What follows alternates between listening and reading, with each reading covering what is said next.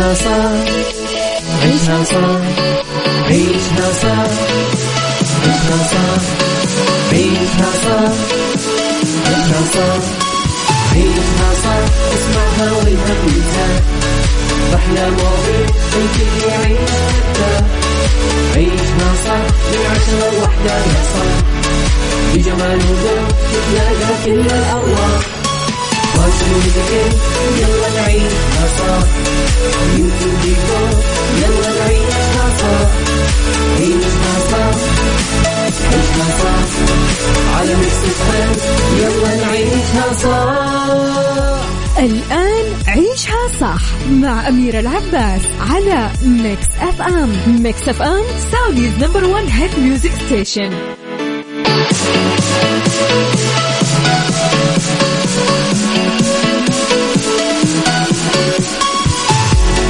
يسعد لي صباحكم وين ما كنتم. صباحكم اليوم الأحد بداية الأسبوع الخفيف اللطيف الظريف من بعد الويكند السعيد. إن شاء الله هالأسبوع طاقة إيجابية. هالأسبوع احتفالات هالأسبوع مناسبات حلوة هالأسبوع أخبار أحلى وأحلى يا رب. في حلقة جديدة من نعيشها صح اللي فيها كل ما يخص المجتمع والحياة عشان أنت تعيشها صح. ثلاث ساعات على التوالي نتعرف فيها على آخر الأخبار ونناقش سوا ونصحصح ونستصح. عوضا عن زميلتي أميرة العباس بكون معكم هالفترة. أنا أختكم وفاء باوزير. صباحكم رايق وسعيد صباحكم غير شكل أكيد على مكسف أم. عناوين أخبارنا لليوم السفارة السعودية في تركيا إجلاء 49 مواطن ومواطنة. إنجي المقدم لست أو الست خلينا نقول آه، تتحمل مسؤولية العائلة بمفردها. المساعدات السعودية بتوصل للداخل السوري. شاركونا أخباركم قولوا لنا كيف الحال وش الأخبار؟ طمنونا عليكم كيف صباحكم اليوم؟ صباحكم رايق وسعيد صباحكم غير وخير على Mix FM. خلونا نسمع J-Hope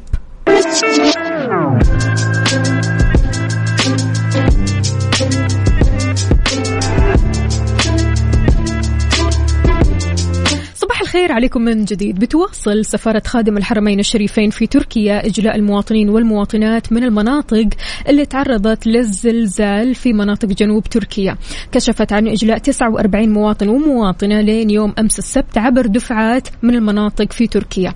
أكد القائم كمان في أعمال سفارة خادم الحرمين الشريفين في تركيا محمد الحربي أن السفارة استقبلت المواطنين والمواطنات وساعدتهم كمان وأمنت السكن والإعاشة لهم في منطقة التجمع بمدينة مدينة أضنا في تركيا. بعد كذا تم نقل عدد منهم لعدد من المطارات ونقلهم للمملكة. ولا يزال فريق العمل في السفارة متواجد في مدينة أضنا لمتابعة أي مستجدات أو بلاغات. دعت السفارة كمان من المتواجدين في هذه المناطق سرعة الاتصال على الرقم المخصص للطوارئ على مدار الساعة. السفارة أعلنت مساء أمس عن وفاة مواطنة سعودية رحمة الله عليها.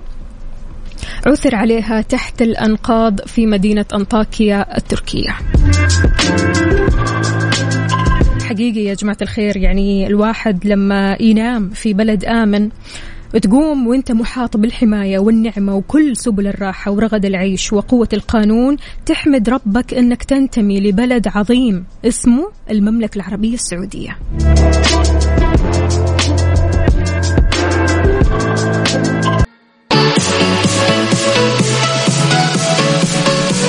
تحياتي لكم من جديد. كيف الحال؟ وش الأخبار؟ طمنوني عليكم. يا رب تكونوا بخير مع بداية الأسبوع اللي كلها طاقة إيجابية وحماس لأسبوع عمل إن شاء الله مليان بالإنجازات والنجاحات. على صفر خمسة أربعة ثمانية, واحد سبعة صفر صفر. تقدر تشاركني. أهلا وسهلا فيك. يا حسن سكري. يقول صباح الخير لكل قلب اقتنع بما لديه وابتسم.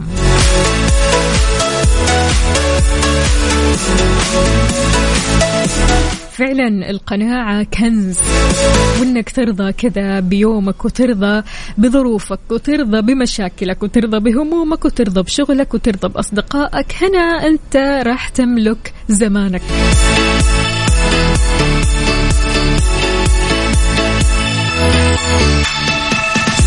شوية نسمع الفنانة إنجي المقدم إيش قالت؟ هي كشفت عن رغبتها في تقديم المزيد من القضايا المتعلقة بالمرأة في أعمالها الفنية.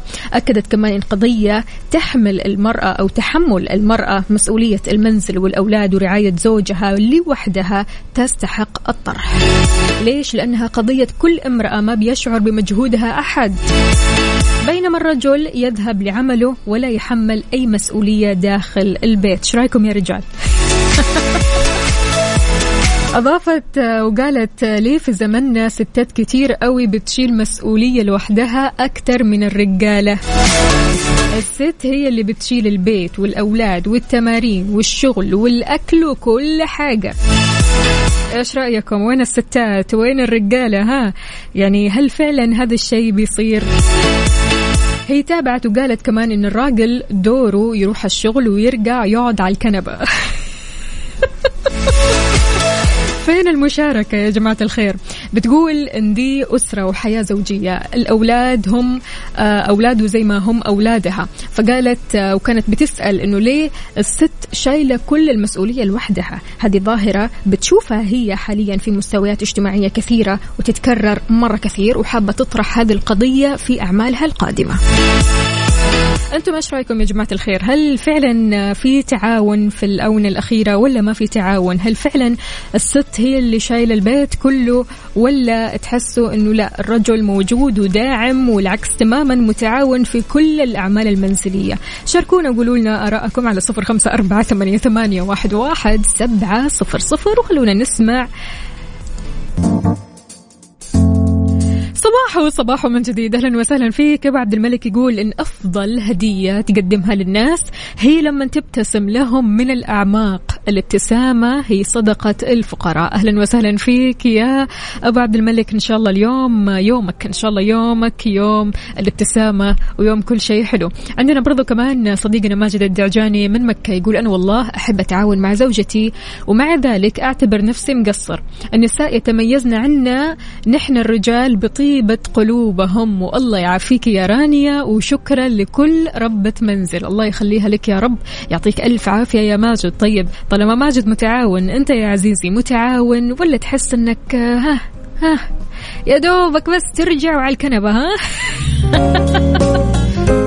شاركوني على صفر خمسة أربعة ثمانية, ثمانية واحد, واحد سبعة صفر صفر. أيوة لا تنسوا تويتر على at Mix FM Radio.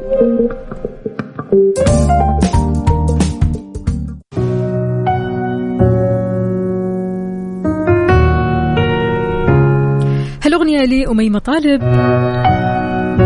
مرجحة. Mix FM Saudi's number 1 hit music station إذا مستمعينا عبرت أمس منفذ غصن الزيتون الحدودي 11 شاحنة إغاثية مقدمة من مركز الملك سلمان للإغاثة والأعمال الإنسانية بتحمل على متنها 104 أطنان من المواد الغذائية والإيوائية علشان يوزعوها على ضحايا الزلزال في سوريا. راح يشمل التوزيع عدد من المناطق المتضررة من الزلزال في شمال سوريا ويجي هذا امتدادا للجسر الجوي الإغاثي السعودي اللي بيسيره مركز الملك سلمان للإغاثة لمساعدة متضرري الزلزال في سوريا وتركيا. انفاذا لتوجيهات خادم الحرمين الشريفين الملك سلمان بن عبد العزيز آل سعود وصاحب السمو الملكي الأمير محمد بن سلمان بن عبد العزيز ولي العهد رئيس مجلس الوزراء. حفظهم الله ويعطيهم ألف عافية. عيشها صار عيشها صار عيشها صار عيشها صار عيشها صار عيشها صار عيشها صح اسمعها والهم ينزاح أحلى مواضيع الكل يعيش حتى عيشها صح من عشرة لوحدة يا صاح بجمال وذوق تتلاقى كل الأرواح يلا نعيشها صح يوتيوب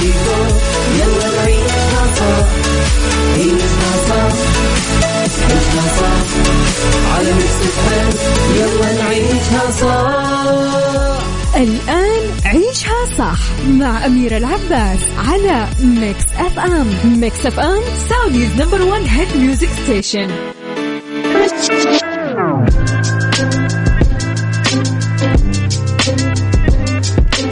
يسعد لي صباحكم من جديد في ساعتنا الثانية من عيشها صح. معكم أختكم وفاء باوزير. استقبل مشاركاتكم على صفر خمسة أربعة ثمانية, ثمانية واحد, واحد سبعة صفر صفر وكمان على تويتر على at Mix FM Radio. ولا تنسى تحمل تطبيق Mix FM Radio سواء على ال Android أو ال iOS. تكتب Mix FM Radio KSA تحمل التطبيق وتلقانا في التطبيق وتسمعنا بشكل مباشر.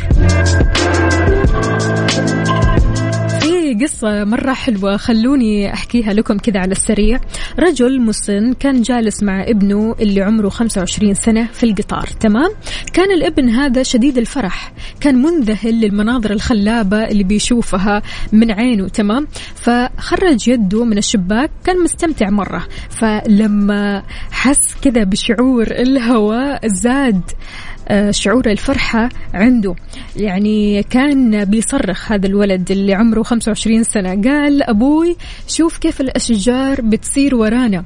الأب هنا فرح وارتسمت الابتسامة على وجهه علشان شايف ابنه قد إيش سعيد ومبسوط. وصل صراخ الابن للزوجين. تمام؟ في زوجين كانوا جالسين جنبهم. ماشي؟ هذول الزوجين طبعا طبيعي فضول. فكانوا بيسمعوا لكلام الشاب مع والده. شعروا هنا بالإحراج أنه كيف شاب في مثل هذا العمر أنت بتتكلم عن 25 سنة بيتصرف كطفل. ما مرت دقيقة على صراخه حتى صرخ من أول وجديد وبلهفة عارمة وقال أبوي شوف البركة هذه فيها حيوانات. أبوي شوف الغيوم هذه كيف تتحرك مع القطار آه كيف تتجمع هذه الغيوم. واضح أنها راح تمطر.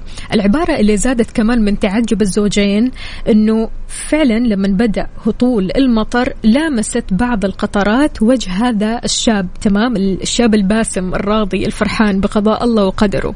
فصرخ مرة ثانية وقال أبوي قاعدة تمطر.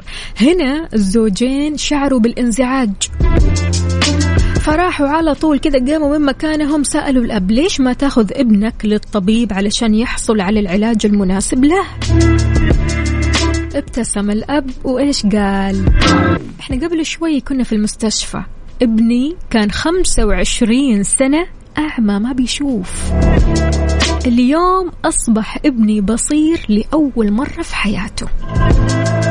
يعني لك أن تتخيل الموقف وإحراج الموقف وقد إيش فعلا لو كنا ساكتين لو نتبين قبل ما نتكلم لو نتبين قبل ما نحكم لو نتبين قبل ما نسيء الظن قد إيش السيناريو راح يختلف.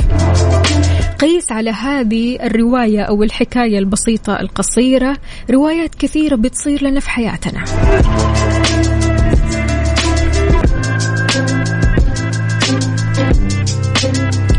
للأسف يا جماعة الخير البعض تعود على سوء الظن بالآخرين. بيعتبر أن هذا نوع من الفطنة والذكاء. لكن تذكر أن سوء الظن مرض يقتل علاقتك بالآخرين. فليش إحنا ما نتمهل قبل ما نحكم على الآخرين؟ ليش ما نلتمس لهم الأعذار؟ إيش رأيك بموضوعنا؟ هل فعلا أنت تحطيت في هذا الموقف موقف إنه في أحد أساء الظن عليك؟ أو فيك أو لك. يعني قد إيش فعلا بنعدي كثير في مواقف كذا في حياتنا أو مواقف شبه كذا؟ تكون أنت في وادي والعالم كله في وادي بتفكر حاجة وأنت بتفكر في حاجة ثانية. فيعني الصراحة مواقف كثيرة وروايات كثيرة. عندك أكيد هذه القصص. يلا شاركنا هي على صفر خمسة أربعة ثمانية, ثمانية واحد, واحد سبعة صفر صفر وكمان على تويتر على at ميكس أم radio.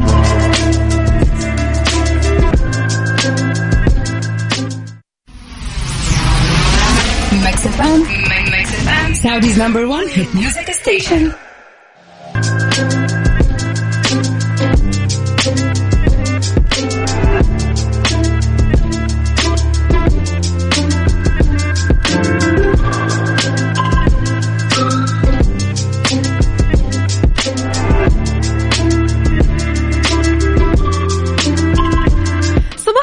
والجمال للطيفة. بتقول صباح الخير والسعادة والهنا للجميع. بداية أسبوع جميلة وألف سلامة على الجميلة أميرة. أكيد ألف سلامة. إن شاء الله ترجع لنا وترجع لكم بالسلامة وبالطاقة الإيجابية. بتقول للأسف في ناس بتستبق سوء الظن وأنا قد وقعت في هذا للأسف. أساء وأسأت الظن ببعض الأشخاص. أستغفر الله لي ولهم وبعتذر منهم بشدة. وأخجل من نفسي لو ما عرفوا عن هذه المشاعر. دائما لو حصلت أخجل من نفسي. بس الحمد لله آه يعني خلاص هي ما أعطت أحد هذا الشعور من أول وجديد. بتقول حصل العكس. إيه حصل العكس. يعني هي كانت بتسيء الظن ولكن برضو كمان حصل العكس. في ناس أساءوا الظن بلطيفة وتعاملوا باحترام والآخر آه يعني البعض كان بيتعامل بالاحترام والآخر أو البعض الآخر لا. فلذلك بتقول يعني سوء الظن أو شيء يعني الموضوع هذا موضوع كبير الصراحة. شكرا لك يا لطيفة. قديش فعلا يا جماعة الخير يعني سوء الظن مثل اللغم اللي بيدمر العلاقات بين الأفراد، بيفجر الصلات بين المجتمع، بيفكك الروابط الجميلة بين العائلات، يعني بي خلينا نقول يبلد العواطف بين الناس. سوء الظن. أنت في وادي وغيرك في وادي. أنت بتفترض سوء النية تمام؟ شخص مثلا خلينا نقول غاب عنك ما اتصل عليك ما رسل لك رسالة تقول إيوه أكيد نساني خلاص خلاص. من لقى أحبابه نسي أصحابه فبالتالي أنت بتسيء الظن فيه إنه أنت على بالك إنه هو شايف غيرك أو طالع مع غيرك وهو أصلا تلاقيه مثلا نايم هو تلاقيه مثلا تعبان هو تلاقيه مريض اليوم هو تلاقيه ما هو في ال mood. فبالتالي الواحد يتبين قبل ما يصدر هذه الأحكام على الناس. ليش ما نتمهل قبل الحكم على الآخرين؟ ليش ما نلتمس لهم الأعذار؟ في ناس بسم الله عليهم ما شاء الله يعني whatever إيش ما صار على طول بيتلمسوا الأعذار لغيرهم. يعني أنا عندي صاحبتي بسم الله عليها ما شاء الله يعني لدرجة إن أنا يعني صرت أقول لها أنت شلون واصلة لهالمرحلة؟ بسم الله ما شاء الله. بتقول لي وفاء والله أنا لو أرسل واتساب تمام رسالة لشخص هذا الشخص ما يبغى يتكلم معي من الأساس وأنا ما أعرف إنه يبغى يتكلم معي أو ما يبغى يتكلم معي لنفترض إنه ما يبغى يتكلم معي تمام؟ أنا أرسل له كيف الحال وإيش الأخبار مليون مرة. لو عدى على الموضوع خمس سنوات أنا ما عندي مشكلة أرسل وأسأل. ما عندي مشكلة. أنا دائما في بالي التماس الأعذار للناس. يعني وات ايفر هذا الشخص جاوبني ما جاوبني أنا راح أسأل مرارا وتكرارا إلى ما لا نهاية. إلى ما لا نهاية فعليا. فجت قلت لها معقولة؟ يعني خلاص الواحد يتعب برضه كمان من كثرة الأسئلة. الواحد أحيانا بيفهم سؤالك غلط. الواحد أحيانا بيفهم اهتمامك الزايد غلط. بتقول لي يعني هو ونيته. لكن أنا عن نفسي مستحيل. أنا عن نفسي كما أنا ودائما ألتمس الأعذار لغيري.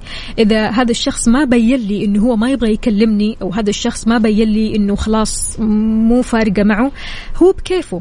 يعني في الآخر المفترض يواجه. لكن طالما ما واجه طالما خلالي هذه المساحة فأنا راح أضطر أني أكرر السؤال مرارا وتكرارا من دون من دون ملل ولا كلل. فبالتالي يعني سبحان الله في بعض الناس فعليا قد ما بتحسن النية قد ما أنه فعليا خلاص توصل لمرحلة أنه خلاص يعني عادي. عادي يعني ما فرقت ما في مشكلة. الشخص هذا ما جاوب علي أو ما شاركني الرسالة أو حتى يعني ما اتصل علي أو ما واجهني بالمشاعر اللي هو عنده أو هو كذا كابتها فبالتالي خلاص أنا أحسن النية whatever إيش ما صار. يمكن هذا الشخص مشغول يمكن هذا الشخص عنده ظرف يمكن هذا الشخص ما يبغى يتكلم في mood معين ما يبغى يفضفض عن هذا ال mood. فدائما بتلتمس الأعذار.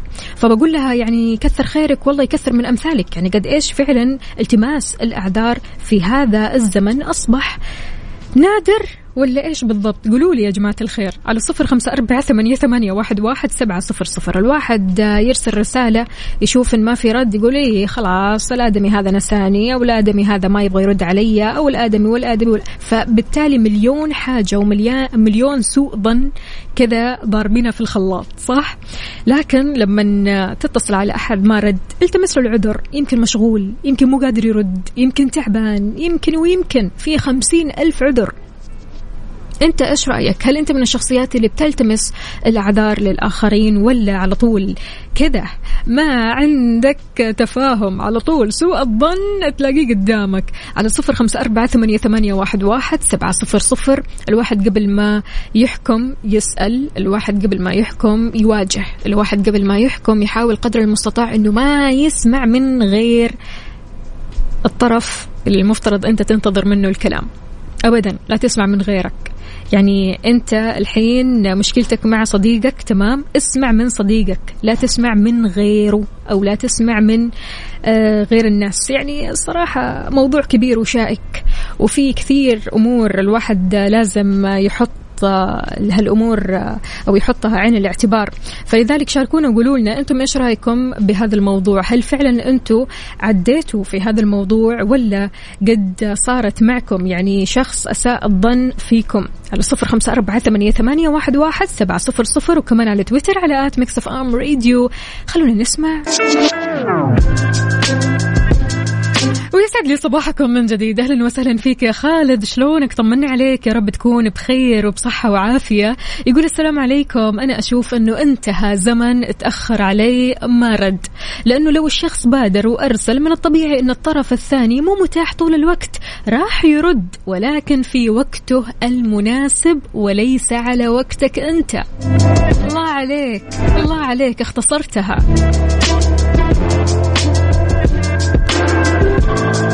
تحياتي كمال عبد الرحمن يقول لا تحسن الظن بي كي لا أخذلك ولا تسيء الظن بي كي لا تخذلني لكن اجعلني دون ظنون كي أكون أنا كما أكون. الله الله.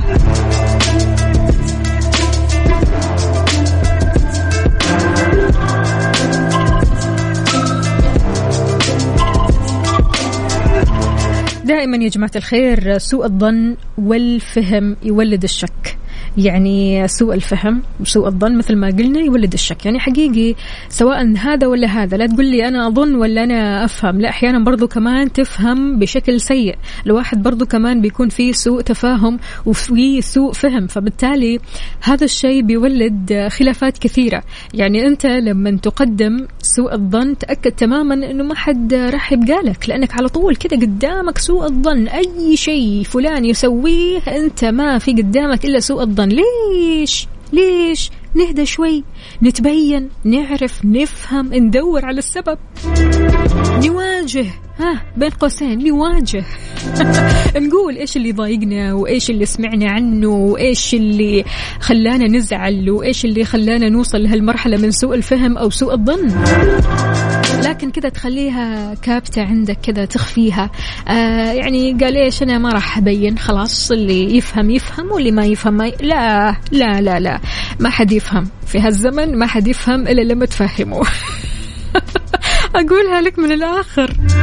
حقيقة خلاص يعني زمن التلميحات هذه أعتقد أنها انتهت ولا إيش يا جماعة الخير؟ هل أنتم من الناس اللي تلمح ولا تواجه على طول؟ واحد اثنين ثلاثة ترى مضايقني كذا وكذا وكذا. فهموا الشخص اللي قدامكم لا تخلوه كذا يسرح بخياله ويفكر في أفكار خيالية وهمية ويعمل سيناريوهات ما لها داعي ولا لها صلة بأرض الواقع.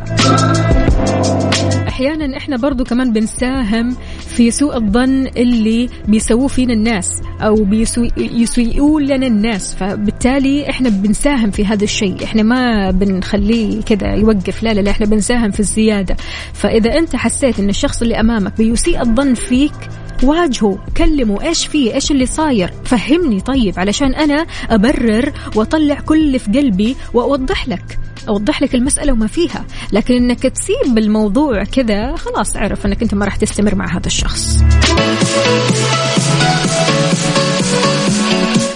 مستمعينا كيف الحال؟ وش الأخبار؟ طمنوني عليكم. يا رب المساء وياكم مختلف المساء وياكم كثير حلو المساء وياكم آه كثير مميز. شاركونا وقولوا لنا كيف مساكم على صفر خمسة أربعة ثمانية, ثمانية واحد, واحد سبعة صفر صفر. قولوا لنا كيف الحال؟ وش الأخبار؟ وكيفكم؟ مع يوم الأحد. إن شاء الله فايقين لكل أحد. الأمور طيبة؟ عال العال. هو ذا الكلام. في شهر فبراير من هذا العام راح نلتقي بسلسلة متكاملة من منتجات البناء القيمة تحت سقف واحد في وين بيج فايف أكبر حدث إنشائي في المملكة العربية السعودية بيرجع لنا بأضعاف ما كان عليه من حيث الحجم وهذا بأكثر من 15 ألف منتج من 40 دولة. وأكثر من 750 علامة تجارية رائدة في السوق بالإضافة كمان لأكثر من 50 موضوع بيتم استعراضه مجانا. طبعا هالحدث ما نقدر نفوته يا جماعة الخير لأي محترف إنشاءات. انضم لنا من 18 ل 11 أو من 18 عفوا ل 21 من فبراير. 18 ل 21 من فبراير في مركز واجهة الرياض للمعارض والمؤتمرات. سجل وقول زملائك كمان يجوا يسجلوا. ترى في منافسة علشان تفوزوا بجوائز على مدار الأيام الأربعة. شلون ممكن نسجل؟ ادخل على ال website thebig5saudi.com thebig5saudi.com فألكم التوفيق.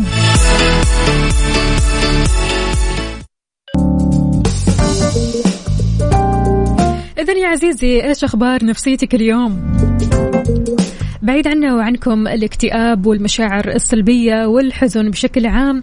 مضادات الاكتئاب هي من أكثر الأدوية الموصوفة بشكل كبير في العديد من دول العالم خصوصا من بداية جائحة كورونا. كلنا كذا لو ما حسينا بالاكتئاب نوعا ما.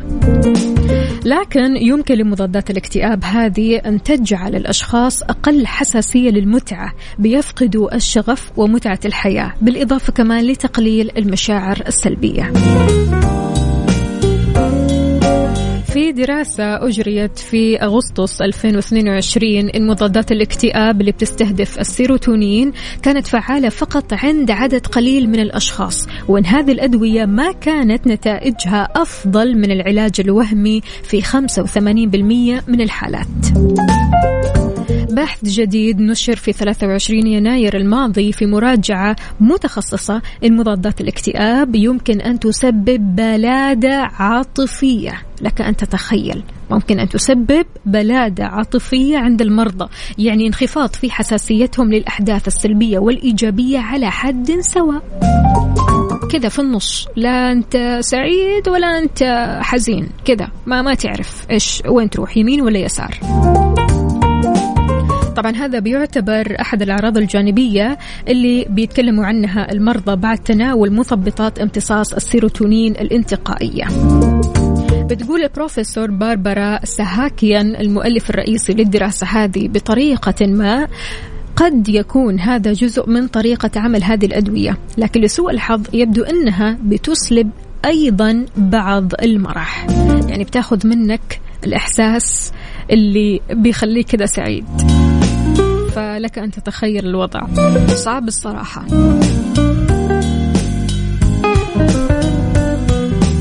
قد ما أنها تقلل المشاعر السلبية لكنها تسلب متعة الحياة.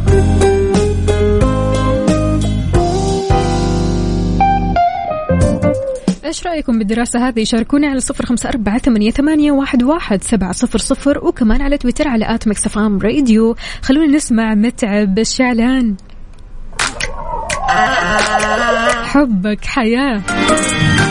Mix FM Saudi's number 1 hit music station على الصوت كذا وانت الحين رايح لدوامك أو مشوارك أو حتى راجع من المشوار قاعد بالبيت whatever إيش ما كان يلا يلا.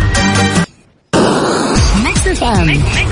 Saudi's number 1 hit music station the right track ضمن عيشها صح على Mix FM Mix FM.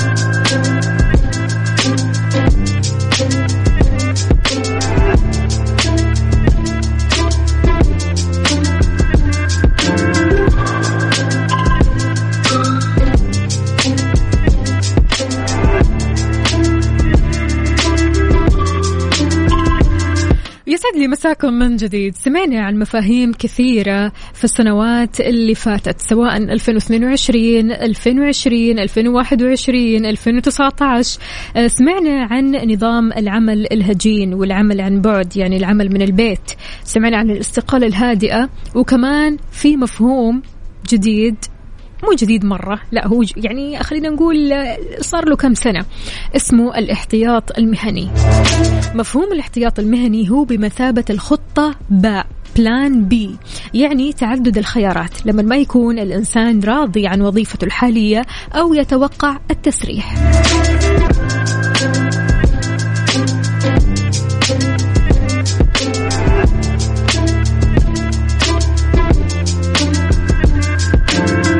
المفهوم هذا تتخذه مع بعض التدابير مثلا تحسين المهارات أو البحث عن وظيفة في مؤسسة مستقرة على الصعيد المالي أو حتى بدء عمل جانبي اللي هو part time مثلا.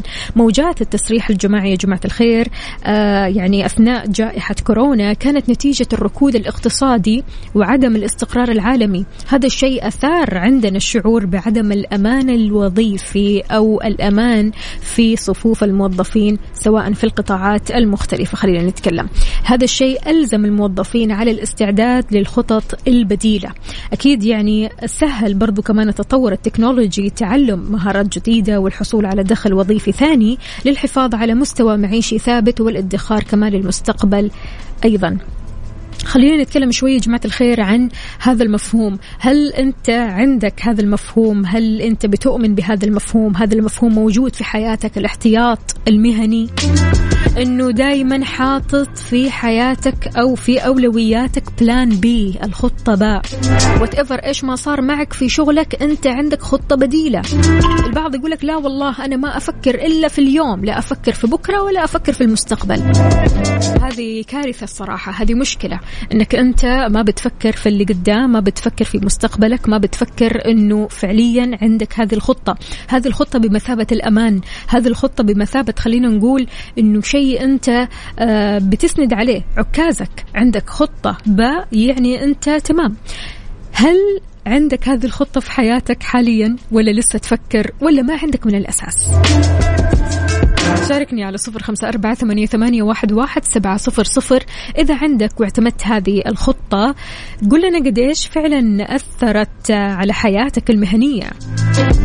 قد إيش في جائحة كورونا أو في وسط جائحة كورونا كثير مننا يعني موضوعه كان صعب الصراحة كوظيفة كاستقرار وظيفي ما كان موجود يعني عند كثير من الناس. فبالتالي اللي استسلم واللي حارب وحاول قدر المستطاع واللي اخترع خطط بديلة مش خطة واحدة بس. فبالتالي يعني سبحان الله الاحتياط المهني ضروري جدا. شاركونا على صفر خمسة أربعة ثمانية, واحد, واحد سبعة صفر صفر وكمان على تويتر على at Mix FM radio قد إيش هذا الموضوع مهم بالنسبة لك أنت. خلونا نسمع الكوكب. لرحمة رياض Mix FM Saudi's number 1 hit music station إذا يا أصدقائي جاهزين ليوم 22 فبراير. وكذا جهزوا نفسكم. يوم يذكرنا ببطولة وطنية عمرها ثلاثة قرون بنينا أحداثها وصنعنا مجدها عام 1727 ميلادي. فيه نحتفل بذكرى يوم التأسيس ونحكي بفرحة قصتنا يوم بدينا. لمعرفة القصة والفعاليات زوروا حسابات يوم التأسيس على مواقع التواصل الاجتماعي foundingday.sa foundingday.sa